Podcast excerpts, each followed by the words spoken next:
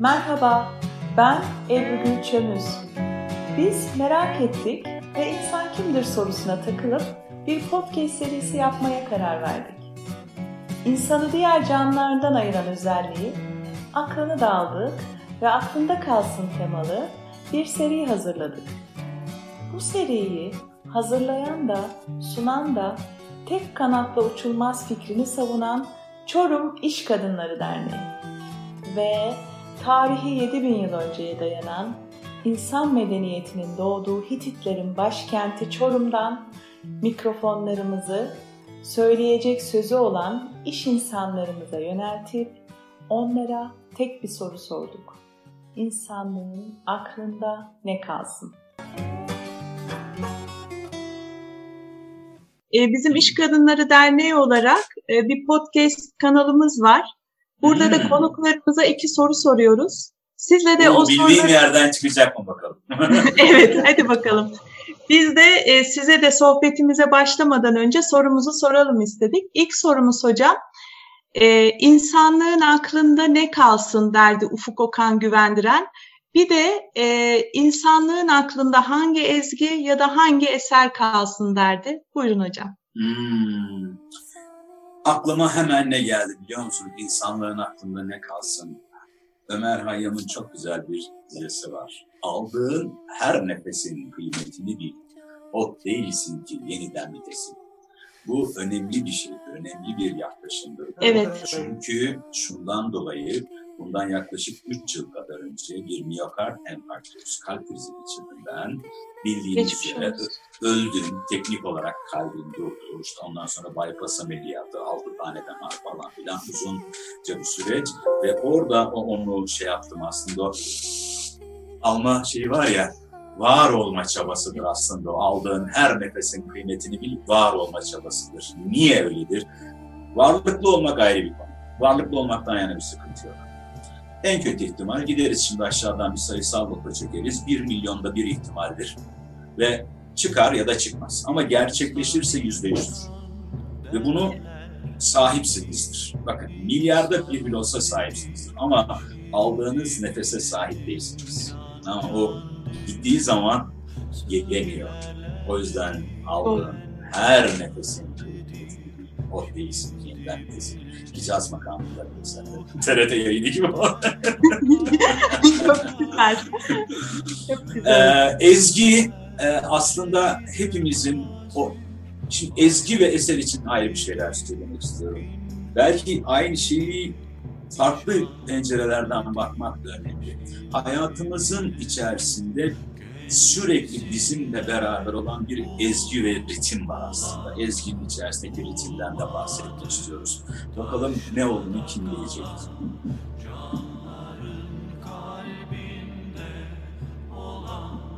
Kalp atışı mı? Evet. Evet. Bunu ben e, efekt ettim yani şey. Evet. Çıkmıyor. Çok Yoksa güzel. Yani, bu bir ezgidir ve bu hayatın ezgisidir. Eser, eser aramaya gerek yok. Aynada baktığın zaten yüce yaradanın dünyaya getirdiği Ay. en önemli, en önemli. Herkes en önemli eser. Bazıları sadece bunun farkında Böyle bir sıkıntımız var, böyle benim üzüldüğüm. Hepimiz gerçekten eser. Yani olayı biraz daha böyle çapı genişlettirdiğin zaman astrofiziğe girer, evrene girer, kozmoza falan girer, devreleri yakarız o zaman da hiç gerek yok. O ezgi şurada şah damarında, onun kıymeti çok önemli. Bunu asla unutmamak lazım o ezgiyi. Duymak lazım, şükretmek lazım. Uyuduğumuz zaman uyanan o akla bir şey yok. Şimdi ne güzel yok. söylediniz. Ve Ağzı tabii ki ben teşekkür ederim efendim. İnşallah e, güzel bir şeyler söyleyebilirim. Çok çok çok güzeldi hocam. Ağzınıza eyvallah, sağlık. Eyvallah. Ben sözü Banu'ya bırakmadan önce katılımcı arkadaşlara bir şey rica edeceğim. Sağ üst köşede View var görüyorsunuz.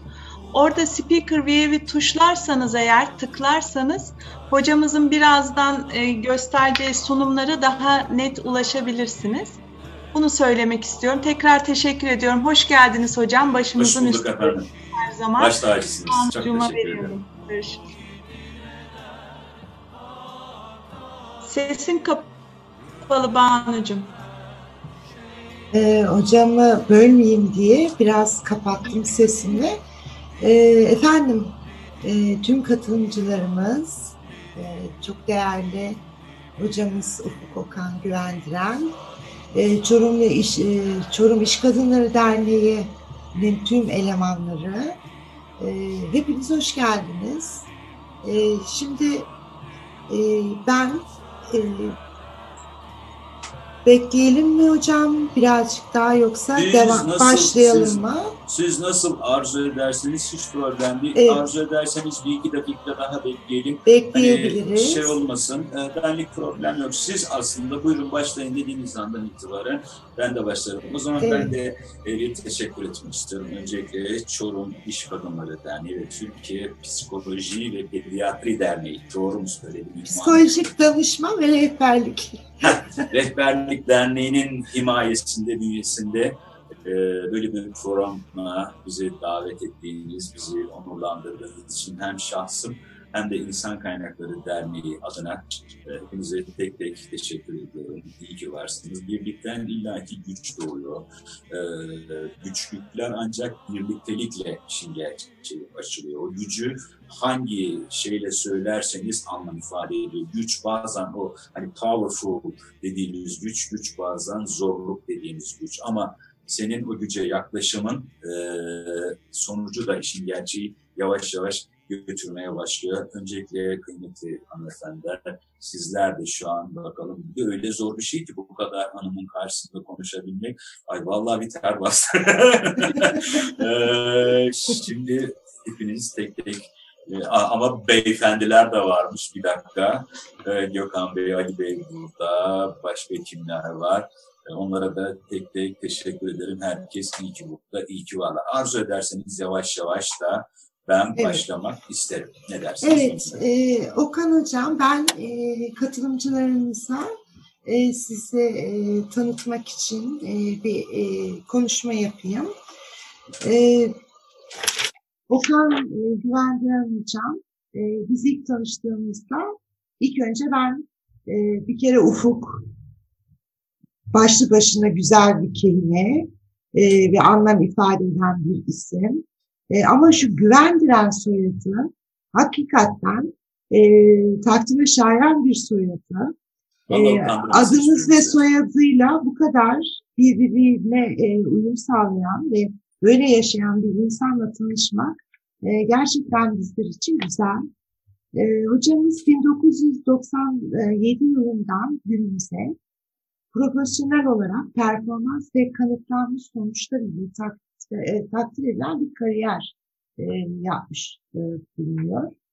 E, yönetilebilecek makro şartlar içerisinde personelin istihdam edilmesi, tutundurulması, gelişimi, eğitim programlarının tespit edilmesi, hayata geçirilmesi, eğitim sunum faktörlerinin bizzat içerisinde olmak, terfi ve ünvan değişikliklerinin karara bağlanması, uyuşmazlıkların çözümü, insan kaynakları kayıtlarının yönetimi, insan kaynaklarının yine bu politikaların geliştirilmesi, yasal uyumluluk dahil olmak üzere birçok kapsamlı e, ve geniş konularda çalışmaları var. Kurumsal anlamda temsil, müşterilere yönelik hem kamuda hem özelde değişik platformlarda, e, panellerde, organizasyonlarda, fuarlarda ürün tanıtımı ve bilinirliğin arttırılmasına yönelik aktif çalışmaları e, var hocamızın. E, hocamız bana bir CV göndermiş. İçindeki, kısaca öyle söyleyeyim ben, çoğu şeye benim dilim dönmüyor eğitimde. Haksız mıyım Ufuk Hocam? Ee, ve e, birçok beceriyi e, hakikaten e, kendisine toplamış bir insanla beraber olacağız. E, eğitim bölümünde e, ve projeler de yapıyor aynı zamanda Ufuk Hocam. E-öğrenme sistemlerinin kurulması ki e, biz sohbet halindeydik hocamla. E, şu anda hocam bir stüdyoda e, desek kandırmış olur muyuz Ufuk Hocam? Oluruz. Oluruz değil mi? Şu anda Ufuk Hocam evinde. Bütün sihri bozayım mı? İşte bu. Bu kocanın ya bütün yaptığı şu an bu. Evet yeşil bir perdesi var kendisinin emeğiyle yaptığı değil mi hocam çıtalarla evet, evet, ve evet. oraya yansıtılan bir sistem. Onu ben biliyorum. Resmini paylaşmış benim Ufuk hocam. Bir ekranımız daha var değil mi yanlış var, bilmiyorsam. Ondan o, ana, o, o da işte ana kumanda masası diyeyim artık. Ana Neyse, kumanda masası. Şuraya da bir konuk da gelebilir her an. Ee, öyle öğrenme sistemlerinde gördüğünüz gibi profesyonel bir hocamız. Ee, ve e, sözü daha çok uzatıp e, sizleri heyecanlandığınızı engellemek istemiyorum sevgili konuklarımız. Ee, İngilizce bilen, evli, bir erkek evlat babası, iki de kedisi, onu da ekleyelim. Evet. Ee, olan Ufuk Okan Güvendiren küçük yaşlarından beri müzikle ilgilenmekte, iyi düzeyde piyano, temel düzeyde erbani, tenör saksafon ve yan flüt çalmakta. Bunun yanı sıra endüstriyel fotoğraf sanatçısı adayı. Şu dronlarla da galiba fotoğraf çekimiyle ilgili bir eğitim programımız da var, var. herhalde evet. değil mi? Evet. Ee, ve e, Okan Hocam öyle bir insan ki ilgiler, ilgi alanlarını hobiye, hobilerini de eğitime dönüştürülen bir yapıya da sahip. E, Türk sanat müziği eserlerini solist ve korist olarak da icra eden bir yapısı var. E, belki bize bir değil mi? Hicaz mı demiştiniz biraz önce? belki bir icrasını e, bizden esirgemez. Ufuk Okan Hocam e, aynı zamanda fütürist e, ve e, turizmle de yakından ilgileniyor. Evet. Evet Ufuk Okan Hocam, biz sizi tanımaktan çok mutluyuz. Ee, iyi ki varsınız ve bizimlesiniz. Buyurun efendim, söz size. Ben çok teşekkür ediyorum öncelikle bu, bu e, muhteşem giriş için. Öyle bir muhteşem de şey olmadı ama aslında ama e, elimdeki en iyi kelime bu. Öyle söyleyeceğim. E, öncelikle çok teşekkür ederim kıymetli hanımlar. Bugün e, aslında ne yapacağız biliyor musunuz? Bugün sohbet edeceğiz. Bugün biz bize konuşacağız. Bugün bu girişimcilik dediğimiz meselenin ne olmadığından bahsedeceğiz. Bugün bu kriz, krizi yaşayan bir adam, yaşamış biri olarak, e, damdan düşen biri olarak aslında size başka pencerelerden bu krizin ne olduğunu, ne olmadığını ve bunun önüne geçebilmek için neler yapılması gerektiğinden sohbet edeceğiz, konuşacağız. Peki önce şunu bir konuşmamız gerekiyor. Girişimcilik dediğimiz kavramı bana birimiz tarif edebilir mi lütfen? Benim için girişimcilik şudur diyebilir mi mesela? Girişimcilik nedir? Girişimcilik. Durduk yere iş çıkarmaktır. Ya kardeşim işte yediğinin de yemediğine kadar ne uğraşıyorsun mudur? İcat çıkarmak mıdır? Nedir bu girişimcilik? Ben sana söylemiştim midir? Nedir bu girişimcilik?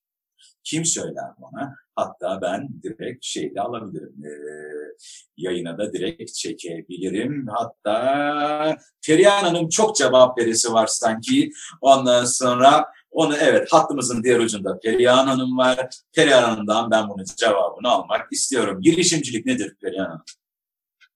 Girişimcilik hocam öncelikle merhaba, iyi akşamlar. Merhaba, hoş geldiniz. Teşekkür ediyoruz. Girişimcilik bence bir insanın aklını kullanıp her şey yapabileceğine inanmaktır. İnanmaktır. Boş verin evet. işletme bilimindeki kısa dönem arz, talep bilmem ne onlar konuşulur. Ondan e, sıkıntımız yok. İnanmaktır. Sen inanmazsan kimsenin inanmamasıdır aynı zamanda değil mi? Evet yani başaracağına e, başarmayı bilmiyorum yani hocam. Başarmaktır Ay, bence ya. İnsanın başarmaktır. özgüveni evet başarmak çok lezzetli bir kavramdır aynı zamanda. Yes dersin, evet, evet oldu hocam. dersin. Hatta başarı e, soğuk mezedir değil mi? Böyle o ayrı ağır ağır onun bir gitmesi lazım. Çünkü öyle ya da böyle kolay ulaşılabilen bir şey de değil başarı. Kesinlikle başarı hocam. görece bir kavram. Kime ve neye göre başarı da, yaptığın işe göre başarı da değişken bir kavram. Burada delta dediğimiz o işletme biliminde çok kullanırız biz bunu. Delta, değişken faktör, başarı faktörü kime neye göre değişir. Buna baktığımız zaman bundan 150 yıl, 100 yıl önce Wright kardeşlerin 12 metre uçağı havalandırması o gün şartlar altında büyük başarıydı. Bugün baktığımız zaman teknoloji, uçak teknolojisi nereden nereye geldi? O zaman o başarı dediğimiz, girişimcilik dediğimiz kavram bulunduğu kota ve zaman içerisinde de anlam değiştirebiliyor. Özünde aynı. Özünde sıkıntı yok. O, o onun bir şeyi var. Ne diyelim ona? E, çekirdeği var. O magma, onu çevreleyen magma dönemsel olarak belki değişikliklere uğrayabiliyor. Ağzınıza sağlık. Çok teşekkür ederim. Peki ben teşekkür şöyle ederim bir hocam. şey soralım. O zaman girişimcilik başarıdır dedik, inanmaktır dedik, hedef odaklılıktır dedik, şuttur dedik. O kadar çok şey söyleyebiliriz ki. Ki bunların girişimci olduğumuzdan dolayı zaten bunların üstünden çok fazla gitmeye gerek yok. Biliyoruz ne demek olduğunu. Hatta bazen dert midir? Evet derttir. Değil mi? Ne olacak? Ne yapacağımdır? Bunun adı kirayı ödemektir. Bunun adı SGK'yı ödemektir. Bunun adı toptancı olan bu bir, bir şeydir. Bakın bir şeydir. Şimdi onu dert edinmek seni iki şekilde sonuçlandırır. Ya seni kanser eder, o derdin içinden çıkamazsın. Tamam. Ya da o derde dair ne olacak bu memleketin hali sorusu var ya, hep bunu sordular. Ne olacak bu memleketin hali? Ne bileyim ben ne olacak bu memleketin hali? Biri de demedi ki ben bu memleket için ne yapayım? İşte mesele orada. Girişimcilik ve başarının özünde ben daha ne yapabilirim diye bir sorumuz var. Bu çok önemli bir soru. Mastar halinde kağıtta okuduğunuz sürece söylüyorum size ben daha ne yapabilirim? Hiç anlam yüklemiyorum bakın. Ben daha ne yapabilirim? Şimdi bunu iki şekilde söyleyeceğim. İki ayrı form ve formatta söyleyeceğim. Birinci formatı, dedik ki formatımız şu, ben daha ne yapabilirim? Bu, dümdüz. Birinci format, ben daha ne yapabilirim? Bakın birinci format bu. Ben daha ne yapabilirim? İkinci format, ben daha ne yapabilirim? Ben daha ne yapabilirim? Şimdi hangi soru formatı sizi başarıya götürür? Kim söyler bana? Ben daha ne yapabilirim? Ben daha ne yapayım? O biraz daha gevşer o. Ben ne yapayım kardeşim? Tamam O, forum, o foruma girmeye başlıyor. Mümkün muhtemel hepimizin aynı cevabı var. Ben daha ne yapabilirim? Ben daha ne yapabilirim? İşte ben daha ne yapabilirim sorusunu sorma formatımız bizim başarıya, geleceğe, mutluluğa ve benzeri olan duyguları yakalama şansımızı arttırıyor. Bu üniversite sınavına hazırlanırken de ben daha ne yapabilirim? Bu iş hayatında başarılı olmak için de ben daha ne yapabilirim? O ızgara köfteyi daha lezzetli hale getirmek için ben daha ne yapabilirim? Konunun ağırlık ortalamasının önemi yok. Açık ve. Ben daha ne yapabilirim sorusunu nasıl soruyorsak ondan sonraki o yol ayrımı köprüden önceki son çıkış sizi ya bu tarafa götürüyor ya bu tarafa. O zaman şöyle bir şey konuşmamız gerekiyor. Bunu kriz anına getirelim şimdi. Evet insanın hayatında, sosyal hayatında, iş hayatında, güncel hayatında, ikili ilişkilerinde, toplumsal ilişkilerinde bazen adına kriz dediğimiz bir duygu bütünü var. Duygu var, bir anlam var. Şimdi krizi o kadar çok e, tanımlıyorlar ki e, bir örneğimiz mesela demiş ki bir kurumun veya sistemin bakın sistem önemli bir konudur. Sizin sisteminiz ve bir kişiyle bin kişinin çalışması arasında hiçbir fark yoktur. Sadece o sistemde bir kişi çalışıyordur, öbür sistemde bin kişi çalışıyordur. Mesele şu ki sistem haline gelebiliyormuş. Bu önemli. Bir kurumun veya sistemin rutin çalışma düzeni içerisinde kesintiye uğraması, finansal kesintiye uğraması, ürün kesintisine uğraması, kalite kesintisine uğraması, pazar payı kesintisine uğraması birçok kalemimiz var. Şimdi o zaman şunu bir kere şey yapmak lazım. Biz kriz anında ne mi yapmalıyız? Biz kriz gelmeden ne gibi hazırlıklar mı yapmalıyız? Bakın sorumuz bu. Aslında demince o ben daha ne yapabilirim ve ben daha ne yapabilirim bir şey var. Farkı buradan başlıyor. Önemli olan kriz geldikten sonra bunu ortadan kaldırmak ya da şey yapmak değil.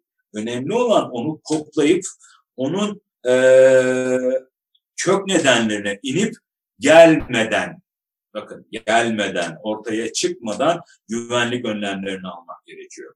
Ben yaşadım. Dedim ya 3 sene önce kalp krizi geçirdim ben. Miyokard enfarktüs. Adı da çok havalı. Tamam Miyokard bir de böyle göğsünü gere gere söyleyeceğin bir hastalık. Kalp krizi. Şimdi ben niye kriz geçirdim?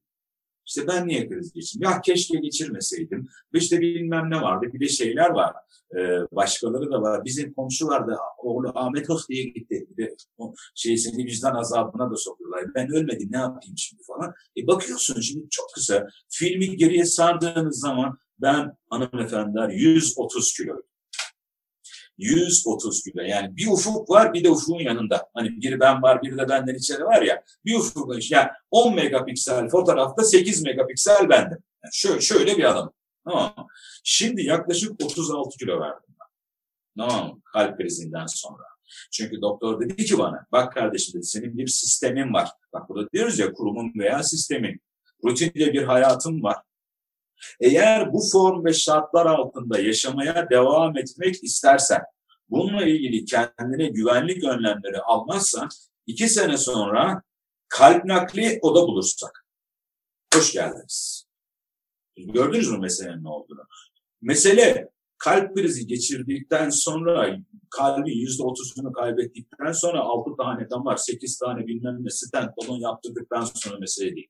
Ha, insansın, hatalarınla büyüyorsun, olgunlaşıyorsun. Ama en azından bunu ben yaşadım, arkadaşlarıma anlatıyorum. Arkadaşlarım kiloluysa oğlum diyorum kilo ver. İşte yemeğine dikkat etmiyorsa oğlum bak sistem şişiyor. Ve bazen o kadar şanslı olmuyorsun. Şimdi kriz kavramını tekrar dönecek biraz daha işletme bilimi içerisinde konuşacak olursak kesintiye uğraması. O şimdi arka taraftaki ekranı görüyorsunuz değil mi? Kalp atım şekli var. İşin gerçeği şey yok, sıkıntı yok. Orada belli ki yaşıyorsunuz. İnsanın inişleri çıkışları olur. Sistemlerin inişleri çıkışları olur. Çok güzel karlar yapıp efendim biraz düşürdüğünüz zararı olur. Ama bu yaşadığınızı gösterir.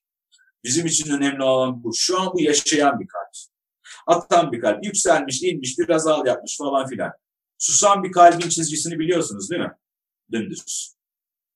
Dümdüz bir çizgisi var. Mesele orada kesintiye uğratmadan olabildiğince hayat şartlarına, olabildiğince o e, ekosistemin sağlıklı çalışmasına dair bir şeyler yapmak gerekiyor. Başka bir tanım daha var. Örgütlerin varlıklarını tehdit eden durumları da kriz olarak tanımlamakta. Varlıklarını tehdit eden durum.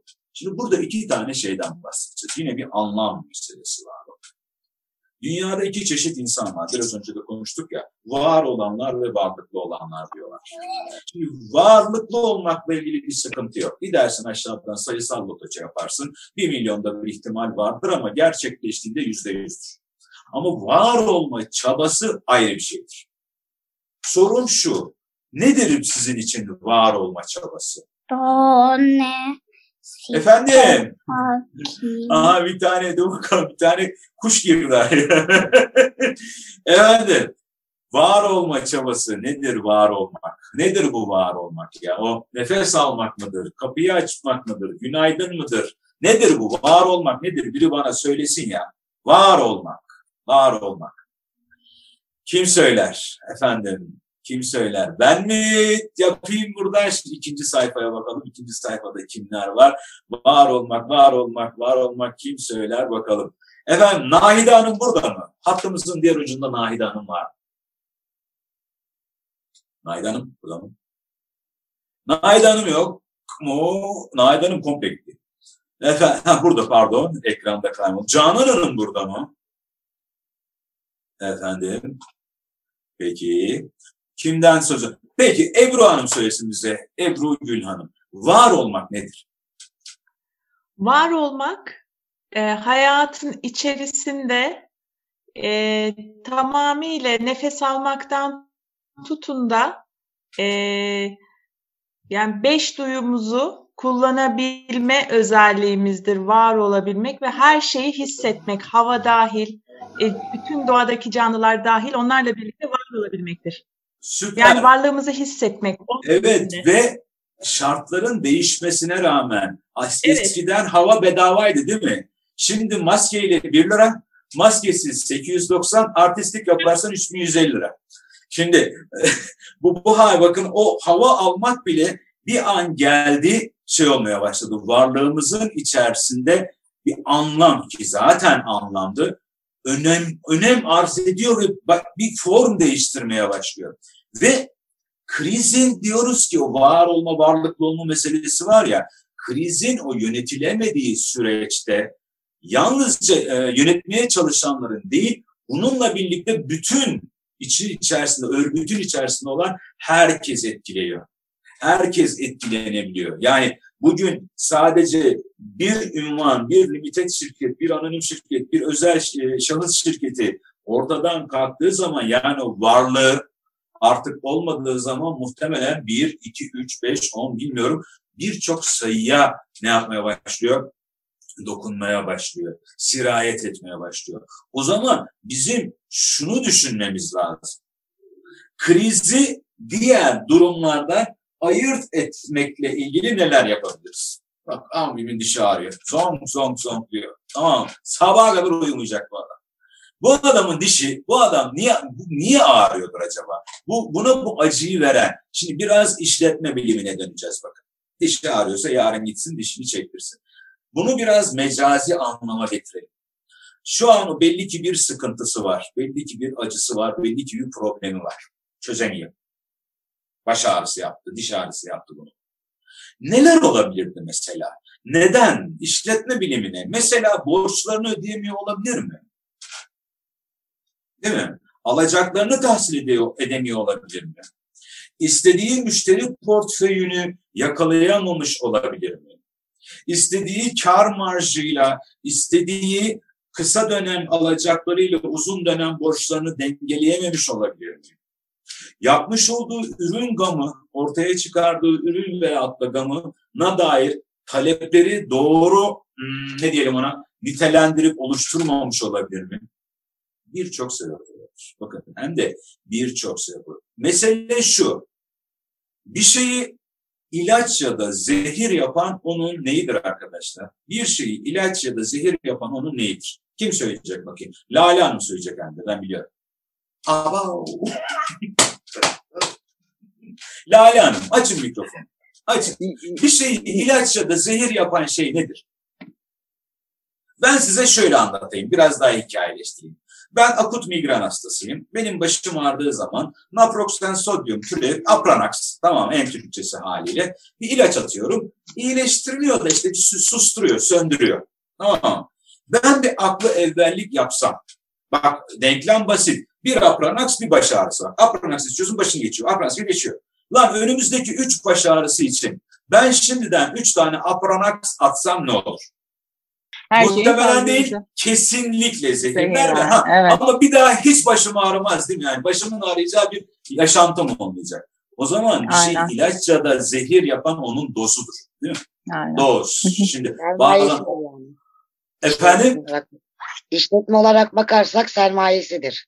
Sermayesidir, üretim kalitesidir, borç alacak dengesidir, muhasebe finansmanıdır, ürün gamıdır, kalite o kadar çok şeyden bahsediyoruz ki o zaman şimdi bakın o dozu ayarlarken şimdi hızlı yanıt verme ve hızlı eyleme geçme zorunluluğu var diyoruz ama hızlı olan her şey doğru olmayabilir. Oradaki Peki, hızlı... Maddesi mümkün müdür? Ham maddesi. Ham madde. Evet. Ham maddeye ulaşamamakta, ham maddeye ulaşamamakta bir risktir. Değil mi yani? yani işletme olarak düşünürsek Ham maddeye evet. ulaşamamak, ham maddeye planladığın fiyattan daha yüksek fiyatta ulaşmak. Senin maliyetlerini arttıracak bir ham madde e, ekstra herhangi bir şeyden dolayı şu an ham maddenize yüzde on zam geldiği zaman iki tane alternatifiniz var. O yüzde onluk dilim içerisindeki kendi paydasından dolayı atalım kafadan 10 birim kullanıyorsunuz. Diğer dokuzuna şey gelmedi. E, zam gelmedi. Yüzde bir zam yapmanız lazım. Doğru mu? Onu amorti yani, etmeniz ama yapamıyorsunuz. Yapamıyorsunuz. O da zarara şimdi, şimdi bir dakika öyle ha benim kafam bozuldu. Yok öyle çünkü bu işin bir neyi var? Denge bütünü var. Şimdi o yüzden o hız dediğimiz kavramı doğru kurgulamak lazım. Neden doğru kurgulamak lazım? Çünkü biz hep aynı şeyi konuşuyoruz. Yapılan her işin bir lezzeti olmalı. Bakın lezzet hakikaten önemli bir kavramdır. Kıymetli hanımlar, ben bir şey soracağım. Dört tane Evde şimdi kimse de yok. Benim karnım acıktı. Hanım da sağ olsun e, buzdolabına köfteleri dondurdu, koydu. Ondan sonra karnım acıktı. Gece 11'de şöyle bir kaşına kaşına gittim. Bu dört tane köfte kaç dakikada pişer? Çok açım, geberiyorum ama. Kaç dakikada pişer? Dört köfte. Sakın bilmiyorum demeyin var ya. Buzlukta mı ama? He? Buzlukta mı? No frost'tan çıkar, buzluktan çıkar. 5 dakika öyle beklet, 15 dakika, 20 dakikaya mal olur. 20 dakika, süper. Dondu diyelim ya da buzlukta değil, aşağıda yumuşak yumuşak duruyor. Attım tavaya. Kaç dakikada pişer? Ben 15 dakika. Teflon tava mı? Değil mi? Döküm Evet. tava mı? Bilmem ne tava mı? Tamam mı? Altını az mı açtın, çok mu açtın, şu açtın, bu açtın. Şimdi bak, hani o köfte dediğimiz şey Allah'ın nimettir. Ba- Basit bir şey değil. Olmadığı zaman görüyorsunuz halinizi. O köfteyi yapmak için bile iki dakikada olmaz ama değil mi? Niye iki dakikada olmaz? Çiğ kalır. 20 dakikada olmaz. Niye? Kemik olur çünkü tavla oynamaya başlar. Tavla pulu olur köfte. Şimdi o yüzden o hız dediğimiz kavramın doğru kurgulanması önemli bir konu. O yüzden hadi kalk bakalım bismillah. Değil tamam bismillah. O olayın ayrı bir boyutu ama bunu kurgulayabilmek için bu işin zamansal limitlerini konuşmamız lazım. Tepki hızı yanıt verme hızı değildir. Bak, bu önemli bir konu. Tepki hızı eşit değildir yanıt verme hızı. Şimdi devam edecek olursak eğer şöyle yavaş yavaş biz bir başlayalım. Her stresli durum kriz midir? Ya o gün böyle bir işler iyi gitmiyordur, bir şeydir. Can, insan halidir ya. Yani olabilir. Değildir. Ama yönetilemeyen, kontrol altına alınamayan her stres ve grubu krize doğru evrilir. Evet. Bakın. Ben çok stresliyim. E tamam ne yapalım ya? Ben çok stresliyim. Herkes çok stresli. Dönem içerisinde herkesin stresi var. Gayet çağımızın hastalığı falan da değil. İnsanoğlu var olduğundan beri stres var. Tamam? Bir şeyin adının koyulmamış olması onun yok olduğu anlamına gelmez. Gel abi 300 bin yıl geriye. Elinde bir tane sopa var. Ucuna da bir taş bağlamışsın. 8 tonluk mamutla karşı karşıyasın. Aha stres. Bu stres. Bu anlam burada. Ha, Ama o zaman daha anlamlanmamış. Gel biraz daha. Vezir-i azamsın. Padişah sana kafayı takmış. Kelle gidecek. Al sana stres. Faturaları ödemek, stres. SSK'yı ödemek, stres. Şunu ödemek, stres. Şimdi mesele şu. Bununla yaşamaya memnun musun? Bakın şimdi stresle yaşamak bir tık yani bir, bir tık stres lazımdır. Çünkü niye? O Alice Harikalar Diyarı'ndaki rahatlık olduğu zaman insan gelişemiyor.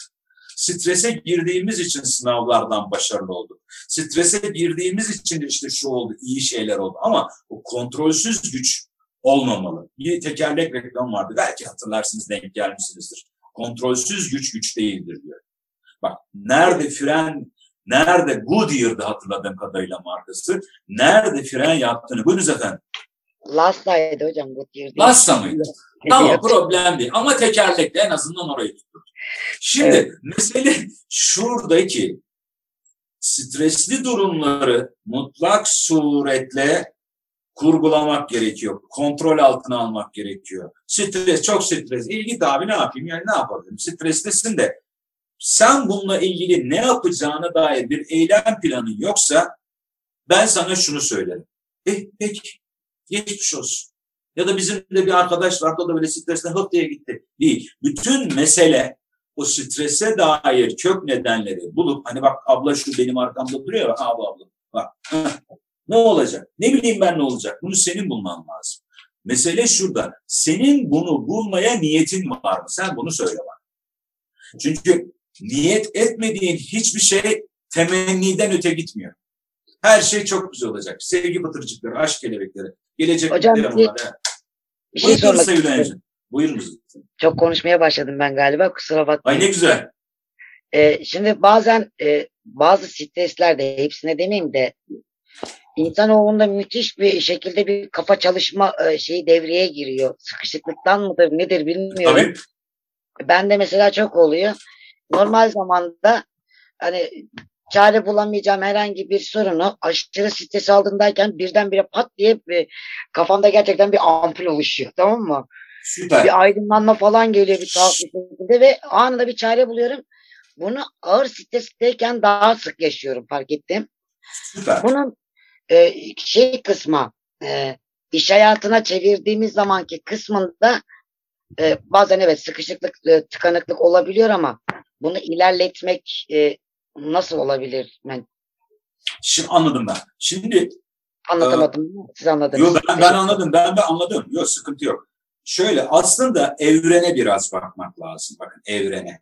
Niye biliyor musunuz? Evrende gelişen her canlı bir önceki halinden rahatsız olduğu için gelişti. Tamam bakın evrendeki her canlı bir önceki hayatında, bir önceki döneminde rahatsız olduğu için gelişti ve o kabuğunu kırdı. Değil mi? Efendim derisini değiştirdi, amfibikti, karaya çıktı ve benzeri. Ha aklıma bir şey geldi. Bakın size bir şey anlatacağım. O kabuğu kırmaktır aslında o stres. Istakozlar gerçekten çok garip hayvanlar ve çok özel canlılar. Ee, ıstakozların şöyle bir özelliği var, biyolojik bir özellikleri var. İstakozların iç organlarının büyüme hızı dış kabuklarının büyüme hızından daha yüksek. Yani içi dışından daha fazla büyüyor. Bunun üzerine her 360 günde bir iniyor bir kayanın altına, kabuğunu kırıyor, yeni kabuğuyla ve genişlemiş organlarıyla beraber hayatına devam ediyor. Şimdi bu bir, iki sürekli devinim halinde devam ediyor. Tamam buraya kadar bir sıkıntı yok. Eğer ki ve gelişiyor bakın o stres onu geliştiriyor. İçeride bir basınç var geliştiriyor. İçeride basınç var geliştiriyor. Ola ki ıstakozların psikologları olsaydı ne olurdu? Istakoz psikoloğa giderdi derdi ki doktor derdi benim içimde anlarıyor. Tamam. Doktorcu benim içimde anlarıyor. Buna yeşil reçete, sanaksı, bustralı verirlerdi. Tamam. Istakoz çiçek gibi olurdu. Ne olursunuz saygısızlık addetmeyiniz. Biraz sadece fan hale getiriyorum. Tabii ki mesela sadece e, sanaksla, lustrallı olacak bir şey ama bizim ıstakoz gelişemezdi. Tamam mı? Hop tak atardı sanaksa oba tamam o, o köpek balığı buraya gelecek olurdu. Şimdi mesele şurada. O sizin en harlı bu bir çeşittir aslında. Bu tepki hızıdır. Tepkinin değişkenliğidir. En olmayacak zamanda artık o tavana çıktığı anda buldum. Buldum diyorsunuz ya. Bu sizin tarzınız. Bu size zarar veriyordur, yıpratıyordur, o ayrıdır. Ben de mesela bir çözüm bulamadığım zaman ne yaparım biliyor musunuz? Ankara'da oturuyorum ben. Atlarım arabama, yola çıkarım. Bir bakarım ki Polatlı'ya gelmişim. Bak nereden geldim, hangi yoldan geldim, kaç kırmızı ışıkta durdum hiçbir fikrim yok. Onu otonom sistem yapıyor zaten. Ama Polatlı'ya geldim dönerken aa derim ya böyle yapsak daha mı olur? Hakikaten ya böyle yapsak daha iyi olur. Şimdi, bu bir tarz meselesi. Ama önemli olan şu stresten kazançla çıkıp krizden kurtuluyor musun? Bana onu söyle. Ha, bütün meselemiz orada. Biz o strese veya da krize teslim olmamalıyız. Teslim olduğun gün çünkü cenaze namazını okurur. İşletme bilimi olarak konuşuyorum bunu. Köprüden önceki son çıkış mıdır bazen? Krizler. Krizler köprüden önceki son çıkış da olabilir. Krizler her zaman kargaşa yaratmayabilir, alevli olmayabilir, harlı olmayabilir. İnceden, sessiz ve derinden çaktırmadan da geliyor olabilir. O bambudan yapılma şeyleri bilirsiniz, koltukları. Onların içerisinde 10 tanesini arka arkaya dizseniz 1 milim edecek olan küçük kurtçuklar vardır. Bambunun dışı gıcır gıcırdır. Ya tertemizdir ama o kurtlar içeriden şey yapmaya başlar, sönürmeye başlar, kırtıklamaya başlar ve siz oturursunuz yerle yeksan olursunuz. Bazen dediğim gibi her kriz çok da görünmüyor olabilir. Sessiz daha da tehlikeli aslında. Bu bizim e, zamanımızda şey bir deney vardı hatırlarsınız. Kurbağayı çat diye kaynar suya atarsan zıplardı. İşte ılık suya atıp yavaş yavaş ısıtırsan şey olurdu. Aynen o. Alışıla gelmek, belirsiz halden belirsiz hali olan o yatkınlık veyahut da e, işletme körlüğü diyoruz sonra. O hale gelmesinden bahsediyoruz. Krizler aynı zamanda doğru kurgulanırsa özelliklerinden biridir bu. Fırsat olarak dönüşümde sağlayabilir. Krizlerden dönüşümle, fırsatla karlılıkla bunun Türkçesi var küllerinden doğmak. Aa, şeklinde de karşımıza çıkabiliyor. Peki nasıl yapacağız bunu? İşte bunları şimdi konuşmaya başlayacağız. Diyoruz ki krizler çözülmediğinde yeniden karşılaşılır. Şimdi bakın kıymetli hanımlar. Mesele şu değil. Kriz çıktı, çözdüm. Kriz çıktı, çözdüm. Kriz çıktı, çözdüm. Kendi yönetemediğim ya da farkında olmadığım sebeplerden dolayı krizlerle çıkıyor ve çözüyor. Şimdi bakacak olursanız kriz yönetimi adında bir başlık içerisinde bakacaksanız güzel bir şey. Krizi yönetiyor. Ben de diyorum ki arkadaşlar, kıymetli hanımefendiler, mesele artık krizi çözmek olmamalı evrilmiş haliyle evrilen dünya içerisinde. Krizin kök nedenlerini görüp hiç ortaya çıkmaması için bir şeyler yapabilmek. Onun yerine o krizi yönetmek, krizi bertaraf etmek için e, harcadığın eforu başka bir yere evriz. Başka bir yere kanalize et. Şimdi o yüzden bizler şöyle bir şey yaşıyoruz bazen. Kök neden dediğimiz kavramdır bu. Kök nedenlere inmeye korkuyoruz bazen. Kök nedenlerimizle yüzleşmeye korkuyoruz bazen. Bırakın üçüncü şahısları. Kendi içimizde itiraf edemediğimiz iş hayatı için konuşuyorum. İtiraf edeceğimiz kök nedenlerimiz oluyor. Önemli olan şey şu. Mesele kendi kendine e, örselemek değil. Mesele kendi kendini üzmek değil. Farkında olmak. Bakın farkında olmak önemli bir konu. Nelerin farkındadır mesela iş hayatında esra estetik? Haydi. Lan ne güzel konuşuyordunuz. Lan nedir şimdi yani? evet. Esra Hanımcığım hoş geldiniz. Ee, kulaklık ses gelmiyor. Mikrofonu açar mısınız lütfen?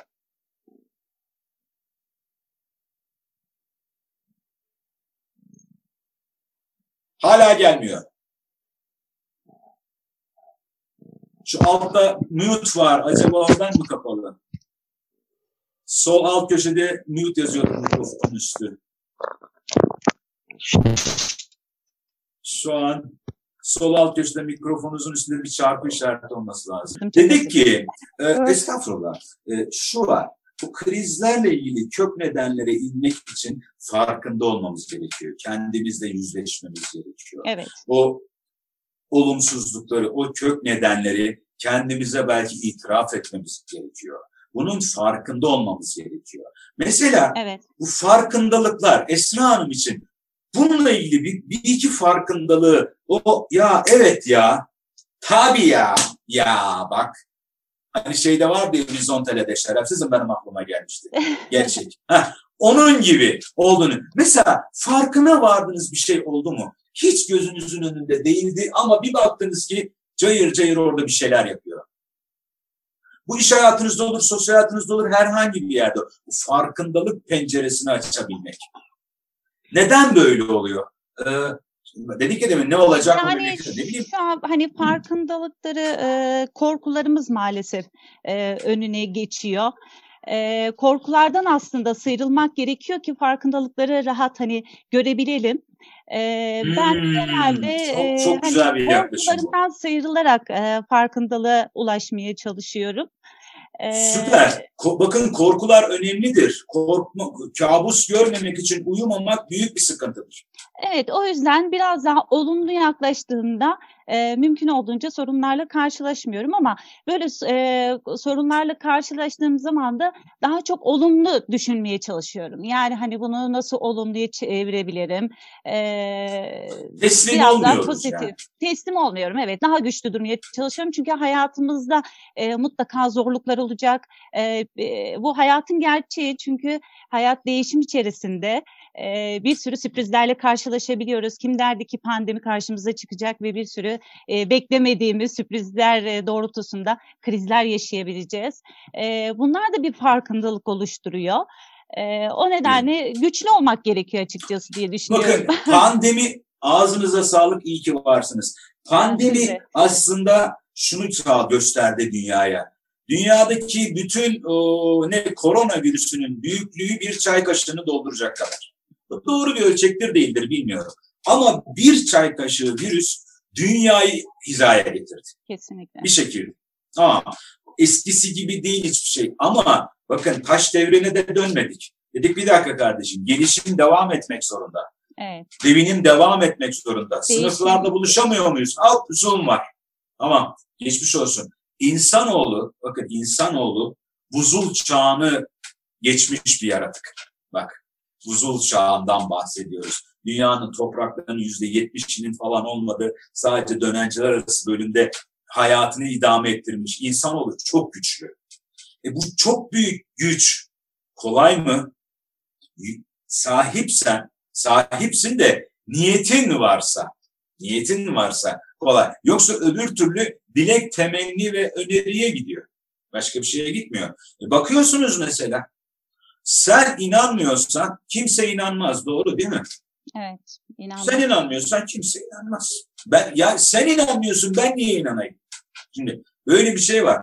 İnanabilmek o kendi hayatının liderliği içerisinde önemli bir kavram. Bakın inanmak önemli bir kavramdır. Ulu Önder Mustafa Kemal Atatürk ordular ilk hedefiniz Akdeniz'dir ileri dediğinde birisi çıkıp şunu şöyle bir şey dedi mi? Sebep bunu demedi. İnanmak. O inandı ve arkasından yürüdü. Siz de inanacaksınız ve arkanızdan yürüteceksiniz. İnanmıyorsanız olmuyor. Ben inanmazsam, sen inanmazsan, buradaki hanımların, bayanların hiçbiri inanmazsa olmayacak. Önce inanacağız. Neye inanacağız? Dirayetimize inanacağız. Cesaretimize inanacağız.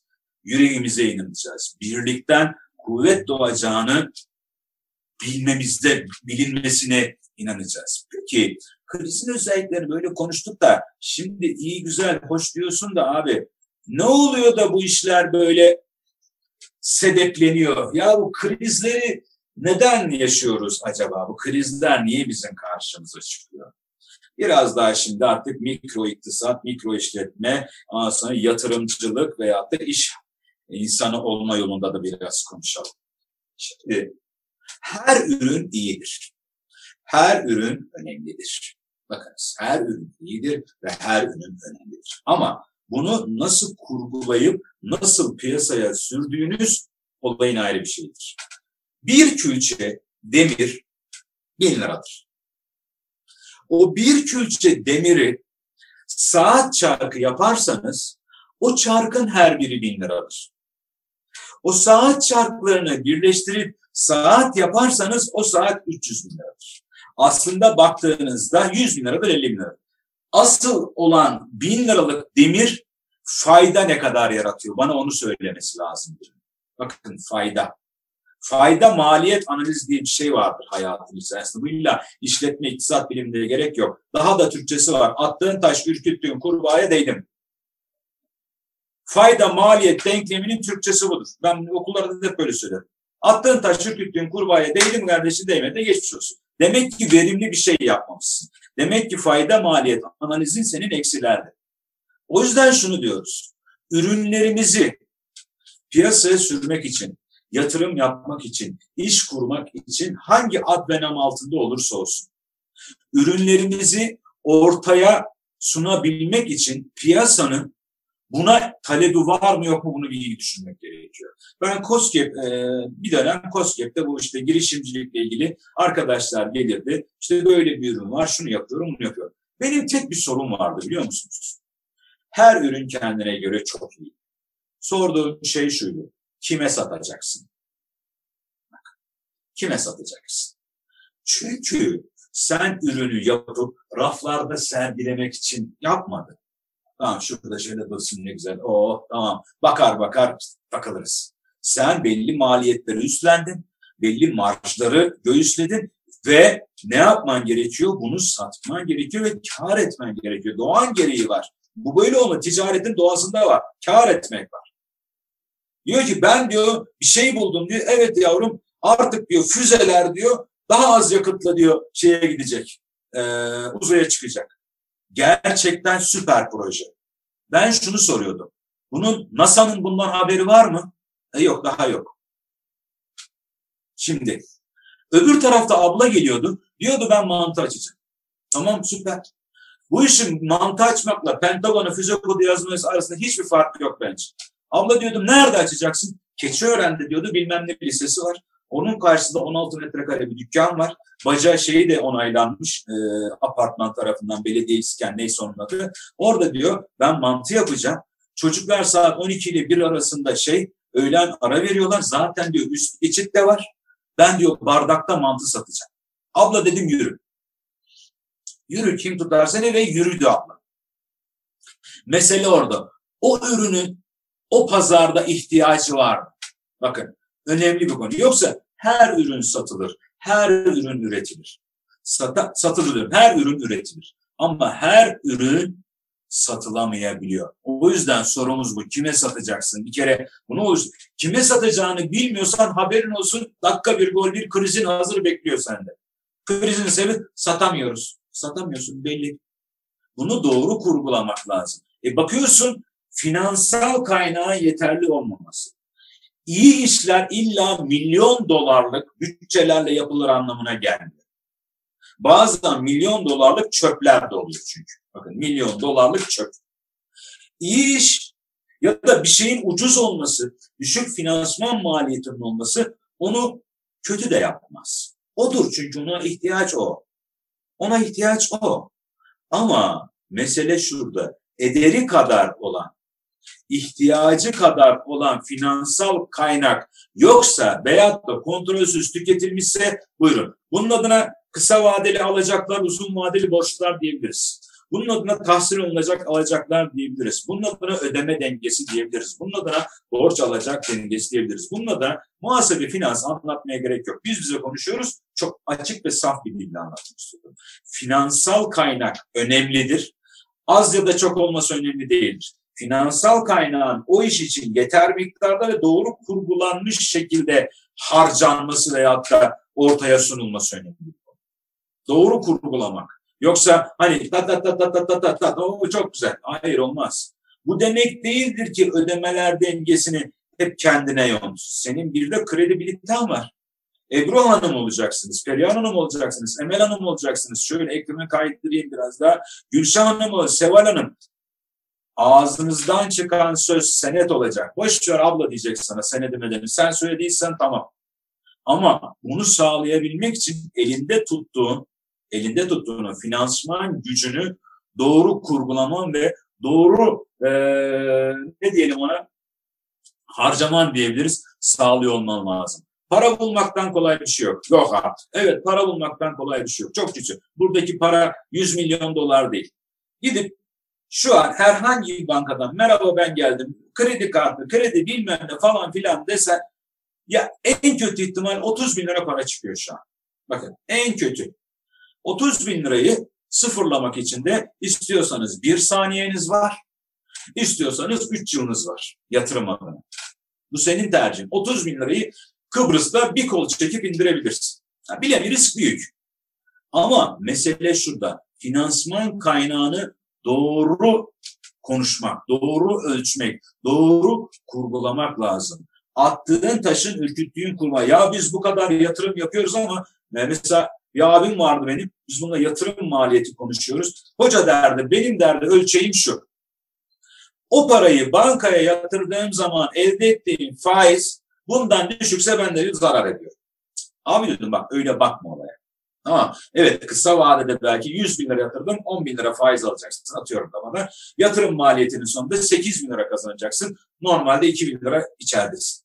Ama bak bunun sürdürülebilir olması gerekiyor uzun vadede. Bakın uzun vadede bu yarın olmuyor. Fuarlara gidiyor insanlar. Tamam diyor ben diyor metrekaresi 500 liradan diyor 10 metrekare öyle alırım diyor. 4 günde de diyor tamam diyor pazartesi günde satışlarımız patlar. Patlamaz kardeşim. Patlamayacak. Bazı şeyler uzun vadeli. Bakın bazı şeyler uzun vadeli ama o uzun vadeyi sübvanse edebilecek güce de ihtiyaç var. Bu taşıma su meselesi değil. Bunun bir e, satranç gibi düşünmek lazım. Bunu bir Tetris duvarı gibi düşünmek lazım. Doğru kurgulamak lazım. Çünkü aradan bir taşı çektiğin anda geçmiş olsun. Duvarın yıkılabilme ihtimali çok yüksek. Veyahut da o gediği kapatamıyorsunuz. Kubbeleri bilirsiniz değil mi cami kubbelerini? En üstünde bir kilit taşı vardır. O taş çok önemli bir taştır. Ee, şeydeki Saraybosna'daki ne köprüsüydü o? Ee, hadi unuttum adını. Mostar Köprüsü. Mostar Köprüsü'nün mesela ortada bir kilit taşı vardır. O kilit taşı çektiğin anda o kubbe de yıkılır, o köprü de yıkılır. Kilit taşları bizim için önemli ve öyle ya da böyle heves, sevgi pıtırcıkları, aşk, gelecek mutlu yarınlar, kim tutar beni falan iyi güzel de. Abi bu işin finansman gücü hakikaten önemli bir konu. Finansmanı doğru kurgulamak gerekiyor. Bakın doğru kurgulamak gerekiyor. Çünkü değişim diye bir şey var. Ha işte bakın arka tarafta kumbarayı kırmış. Tamam bak şurada ne güzel. 3 lira 5 lira. Taşıma suyla genelde dönmüyor. Ya da hesabın kitabın çok iyi olması lazım. Ama unutmayın sizler birer e, ilk Türk Ticaret Kanunu'nda tacir olarak görünüyorsunuz. Basiretli tacir diye bir kavram vardır TTK'nın ilgili maddesinde. Der ki mesleğinin gerektirdiği, ticaretin gerektirdiği bilgi, birikim, deneyim veyahut da öngörüye sahip olan kişi. Basiretli tacir. Bakın bu kanundaki hemen hemen metni bu yani. Kanunu uzun yıllarda çalışıyoruz ama problem değil. Demek ki basiretli tacir gibi davranabilmek çok ama çok önemli bir konu. Bunlardan en önemlisi, en önemlilerinden birisi finansman kaynağı. Bir diğeri var. Bakın yönetemediğin zaman çıktı kriz finansı. Doğru takımı kuramamak. Bakın şuradaki resmi olabildiğinizce benim ekranımı büyütürseniz çok başlılık veyahut da yönetimsel sıkıntılar var o resimde. Bu arkadaşlar bakın nerede şurada bu arkadaşlar bu gemiyi buraya götürmek isterken bu arkadaşlar şurada bu gemiyi buraya götürmek istiyor. Bizim ortadaki abi de yırtıyor kendini. Anlamı yok. Eğer ki takımın senin kadar inanmıyorsa, takımın senin kadar bu yolda yürümeye hevesli değilse mümkün muhtemel sıkıntı var. Şimdi şöyle bir şey de var. Yönetici olarak, basiretli tacir olarak çalışanları veya da takım arkadaşlarını motive etmek de sende. Çünkü doğası gereği iş hayatı içerisinde, insan kaynakları süreci içerisinde e, çalışanlarının naif, tedirgin, korkan, çabuk deforme olan bir yapısı vardır. Gayet doğaldır. Ay ne olacak yoksa şey var ya o var.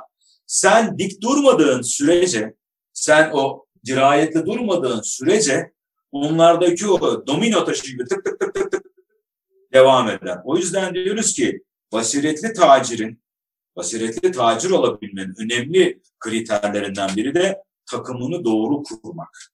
Bu birincisi kurduğu takıma kendinin inanmasını ve kendinin kendine inanmasını sağlamak. Yönetimsel bir güçtür çünkü bu. Basiretli tacir sadece çeki senedi ödeyen, efendim işte kirayı ödeyen, hayır. Sürdürülebilir olması gerekiyor. Doğru takımlar, ha şu da var. Sen takımını doğru kurmak ve sürdürmek üzere çaba sarf ediyorsun ama ama takımda bazı e, çıban başları var diyelim. Aklıma bir şey gelmedi. Takımın tamamını kurtarmak için bazen en son çare, bakın ama en son çare. Ya mesele şu değil, sallandırın iki tane ibret alim için sallansın bak bir daha oluyor mu değil. Ondan bahsetmiyorum ama takımın selameti için gerekiyorsa feda da mümkündür. Bakın açık ve nettir bu. Çünkü sistem bunu gerektiriyor. Var olma çabası içerisindesin. Var olma var olma çabası hakikaten çok zor bir şey kıymetli hanımefendiler. Büyük yatırım istiyor. Rekabete karşı bayamamak. Kim söyler bana rekabet nedir ya? Ya şu rekabet nedir? Kim söyler? Kim söyler? Ben şöyle bir ikinci sayfaya geçeyim. Orası böyle biraz daha sote. Tamam mı? Ee, rekabet nedir? Seval Hanım der ki. Seval Akyüz hadi. Mikrofon. Hadi Seval Hanımcığım. Başladık. Rekabet nedir? Rekabet iki e, aynı işi yapan e, insanın birbiriyle olan yarışıdır. İki yeterli midir? 20 olmaz mı? Ya olabilir. Yani hmm. minimum olarak. En az iki. en az, en evet, az en az iki yeterli midir? Gelişen ve değişen dünyada. İnsanın yani kendi kendiyle yarışması. Yani kendi... aynı sektörde binlerce e, aynı iş yapan insan var. Ben minimum anlamda söyledim. Süper doğru oradan yani sıkıntımız yok. Evrilmeye de başladı. İnsanlar kendi kendilerini aşmaya çalışıyorlar değil mi? Bakın evet. insanlar kendi kendilerini rakip görmeye başlıyor. Şey vardı ya hiç unutmuyorum. O kamyonların arkasında yazardı. Tek rakibim THY. Ha, ya bu özgüvendir. O ayrı bir konu. Ama şimdi gerçekten o ona bir ihtiyaç var. Rekabet. Rekabetin temelinde başarı var mıdır? Vardır. Vardır. Rekabetin temelinde özgüven var mıdır? Vardır. Rekabetin temelinde hırs var mıdır? Elbette. Hırs belki orada çok doğru bir tabir olmayabilir. Hani keskin sirke küpüne zarar. Sağlıklı bir hırstan bahsediyoruz. Beni içeriden yok eden bir hırstan. Rekabet e, dünün üzerine yarınlar için bugün bir şey koymak mıdır? Evet. Bakınız ben hep şunu söylüyorum. Kıymet çok teşekkür ederim. Ağzınıza sağlık. İyi ki varsınız. Şimdi e, rekabetin aslında ben kendi adıma öyle bir formülize ettim. Yarınlarınız için dünün üzerine bugün bir şey koymaktır rekabet. Yarın var olabilmek için dünün üzerine bugün bir şey koyabilmektir. Çünkü geride kalmayabilirsiniz ama geri, gerilemeyebilirsiniz ama geride kalabilirsiniz. Sistem, sektör, o alan neyi istiyorsa mutlak surette üzerine bir şey koymak lazım. Dün iyiydi, bugün mümkün, yarın çok geç olabiliyor. O yüzden o gelişim dediğimiz şeyi doğru kurgulamak lazım. Yarınlarımız için dünün üzerine bugün bir şey koymak, rekabet, var olmak için, devamlılık için, sürdürülebilirlik için. Şimdi sürdürülebilirlik çok afilli bir kelime. Tamam. Ama çok böyle içi doldurulmuyor bazen. O sürdürülebilirlik. Sürdürülebilirlik devamlılık mıdır? Kötü giden bir devamlılıksa doğru bir şey değil. Sürdürülebilirlik nedir o zaman? Mühendislik kavramı içerisinde biraz bakalım. Ee, esneme payları dahil içerisinde belirlenmiş toleranslar dahilinde e, devam eden, süre gelen, gelişime açık bir süreç dizini. Hani böyle bir tanım olsun. Şimdi baktığımız zaman rekabete karşı koyamamak şudur aslında. Öbürleri dünün üzerine bir şey koydu. Bugün yarın için bir şeyler yapıyor. Ben galiba seyrediyorum. Bakın önemli olan bir nokta bu kıymetli hanımlar. Dünün üzerine bugün bir şey koymak lazım. Ne için? Yarın için. Çünkü sistem evriliyor. Bundan beş sene önce vay be dediğimiz şeyler bu şu an önemli değil. Be falan diyorsunuz. Değil mi? Bundan on sene önce işte Nokia'nın bilmem ne telefonu vardı. Bir megapiksel tamam mı? Yani kurşun kalemle de kara kalem çizdiğin zaman üç aşağı beş yukarı biraz yeteneğin varsa e, fotoğraf çekiyordun. O günkü şartlarda uhuydu yani. Uhu. Değil mi? Nokia. Niye Nokia'yı anlatıyorum? Bugün Nokia yok. Bakın Nokia döneminde 200 milyar dolarlık bir değeri olan bir firmaydı. Dedi ki benim Android'le Android'le işim olmaz. Ben dedi telefonum. Fotoğraf fotoğraf gitsin Fuji yapsın, Nikon yapsın, bilmem ne yapsın. Benim dedi bir duruşum var. Hiç sen bilirsin tüketiciyi gören diğer firmalar şimdi 40 megapiksel canla konuşuyorum. Oğlum dedim bir bilmem ne telefonu var 40 megapiksel fotoğraf çekiyormuş. Ha eski de o dedi. Dedim sana şuradan diyemiyorsun tabii. Ha, artık eskiyor. Eskiyor. O yüzden dünün üzerine bir şey koymak zorundasınız. 10 yıl boyunca aynı şey yapılmaz. 10 yıl boyunca aynı şeyin birinci versiyonu yapılmaz. Gelişmiş olması lazım. Bu reklamıyla, bu ambalajıyla, bu sunumuyla, bu ışığıyla üstüne fıstık mı döküyorsun? Yanına iki tane şemsiye takıyorsun? Bilmiyorum ne yaptın. Bir şey yapmak için konuşuyorum sadece. Dünün üzerine bugün bir şey yapman lazım. Buyur Sevil abla. E, sözünüzü kestim kusura bakmayın. Estağfurullah. Lütfen istediğiniz anda istediğiniz anda araya girin. Ben 8 saat konuşuyorum. bir makarnayı 40 çeşit e, şekillendirip piyasaya vermek yani sofraya koymak gibi. aynı buğday. Aynı durum buğdayı. Yani, ya bir de şey var. Bizim bir de, bir de başka. Koyarsın.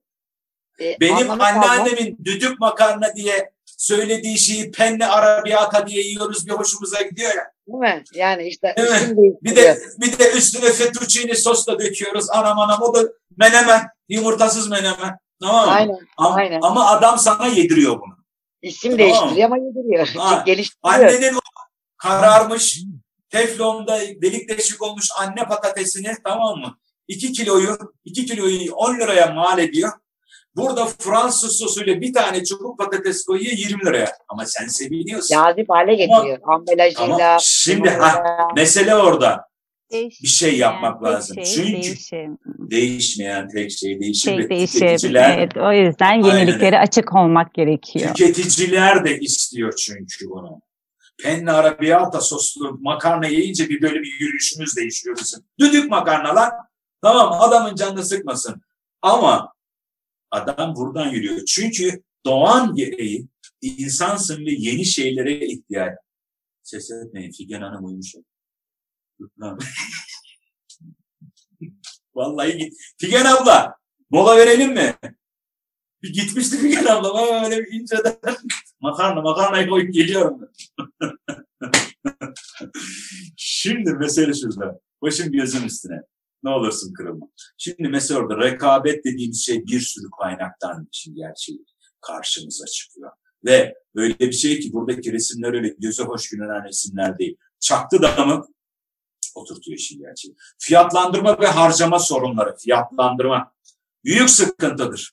Büyük sıkıntıdır. Çünkü tüketicinin almak gibi bir gücü var. Fakat bu almayı seninle beraber yapıp yapmamak diye de bir tercihi var. Bakın. Şimdi ne yapmalıyım ki sadece fiyatlandır ucuz mu olsun?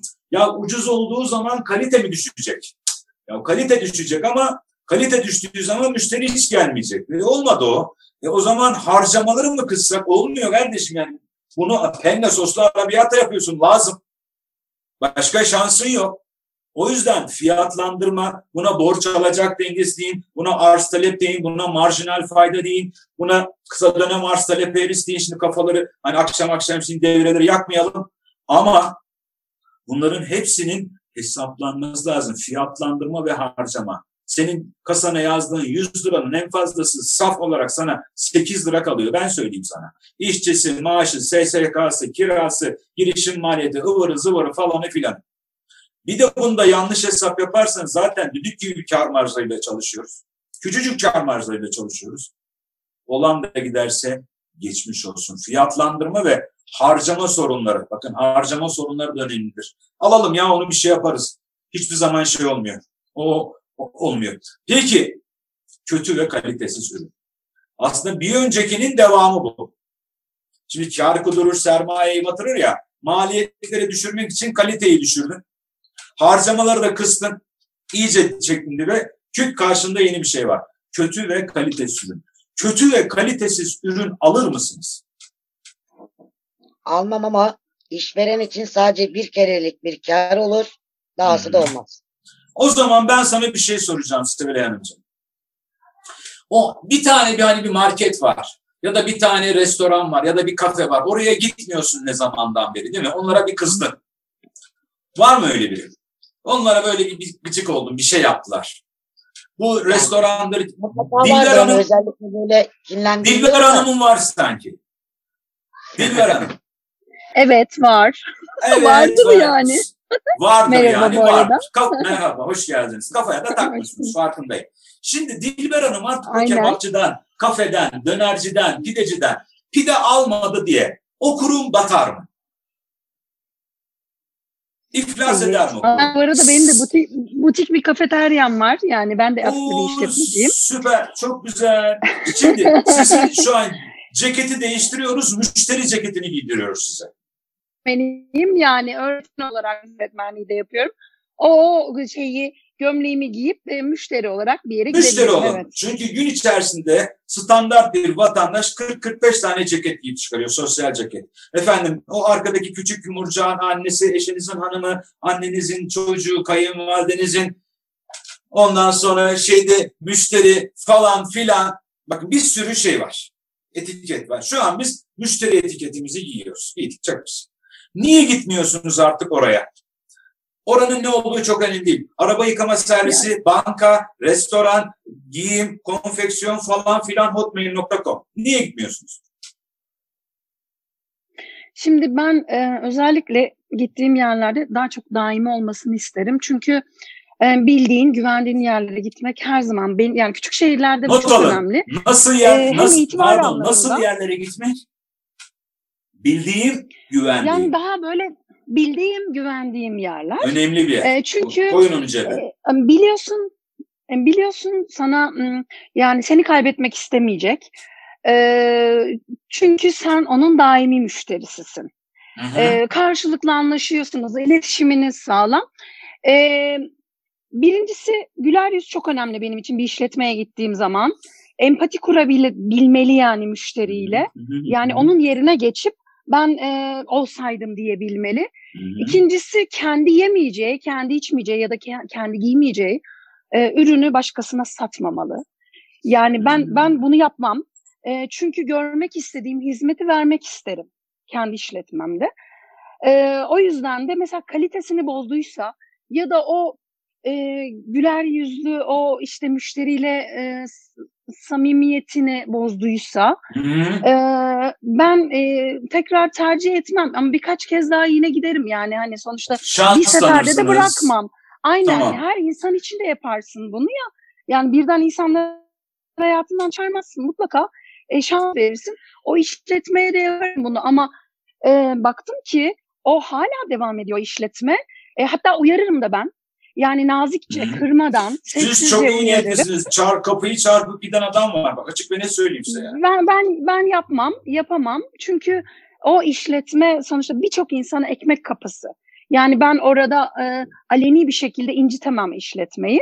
E, sonuçta diyorum ya öğretmenim ben yani empati kurmam gerekiyor. Bir an e, gelir ama buraya kadar. Şey. Bir an gelir buraya kadar dersiniz ama. Değil mi? Bir an gelir. Derim aynen. Yani o, o ama yine onu o gidişimi kendisi anlasın yani. Neden gelmiyor Peki, diye. Benim kendini sorum, kurgulasın. Bunun arkasından gelecek olan, olan sorum şu. Siz gitmiyorsunuz diye iflas eder mi? O firma. Yani etmez ama benim gibi birkaç kişi varsa yani batmaya mı? Ama bu tavrını ben, devam ben, ben sadece benden değilim.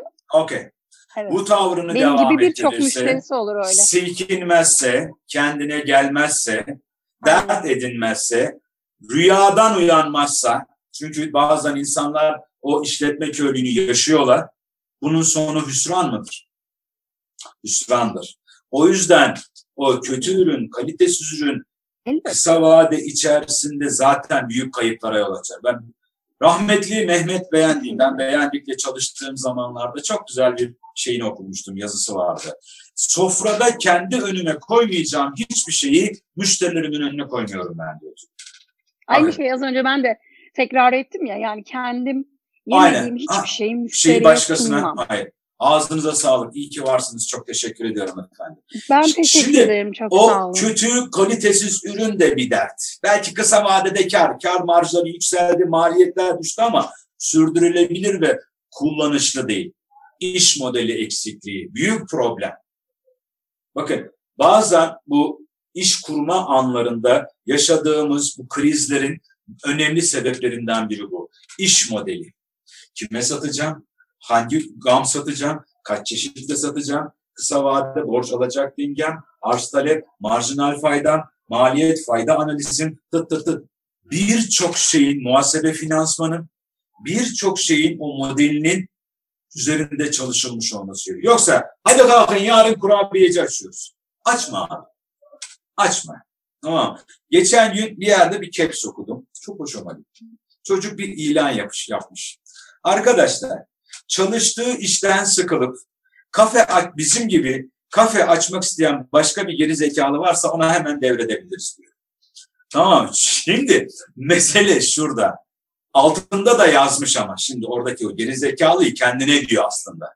Biz diyor bu işe girerken diyor tamam lan nedir kurabiye, çay, çorba bilmem ne diye girdik diyor bir ayda diyor elimize patladı. Bakın bir ayda elimize patladı. Yani bir insan çay ve kurabiyeden ne kadar zarar edebilir ki? Kontrol etmezse çok zarar edebilir. Bakın gerçekten çok zarar edebilir. O yüzden iş modellerinin doğru kurgulanması lazım. Sayfalarcadır. E, bu COSGAP eğitimleri aldınız mı? İçinizde o COSGAP eğitim alan oldu mu hiç acaba? Siz aldınız. Hatırlıyorsunuz değil mi o iş modeli, finansmanı, borcu, alacağı kaç lira lazım, başa baş noktam falanın filanın. Bayağı takır takır takır kafa patlattınız. Hatta belki kağıtta olduğu gibi olmadığını da gördünüz. Bazı şeyler kağıtta olduğu gibi de olmuyor. Hani kağıtta güzel duruyor. Bakayım. Vallahi güzel oldu ya. Tamam bu şirket kurulur. Ama olmuyor o iş öyle. Onun bir gerçek hayata şey olması lazım. O küsuratlar büyük şey çünkü. Ee, büyük farklar yaratıyor. E peki başka neyimiz var? Zayıf pazarlama. Şimdi pazarlama bu işte önemli bir kavramdır. Pazarlamayı deyince insanlar genelde e, işte elinde çanta, düdüklü tencere bilmem ne kapı. Hayır. Böyle bir şey değil artık pazarlama.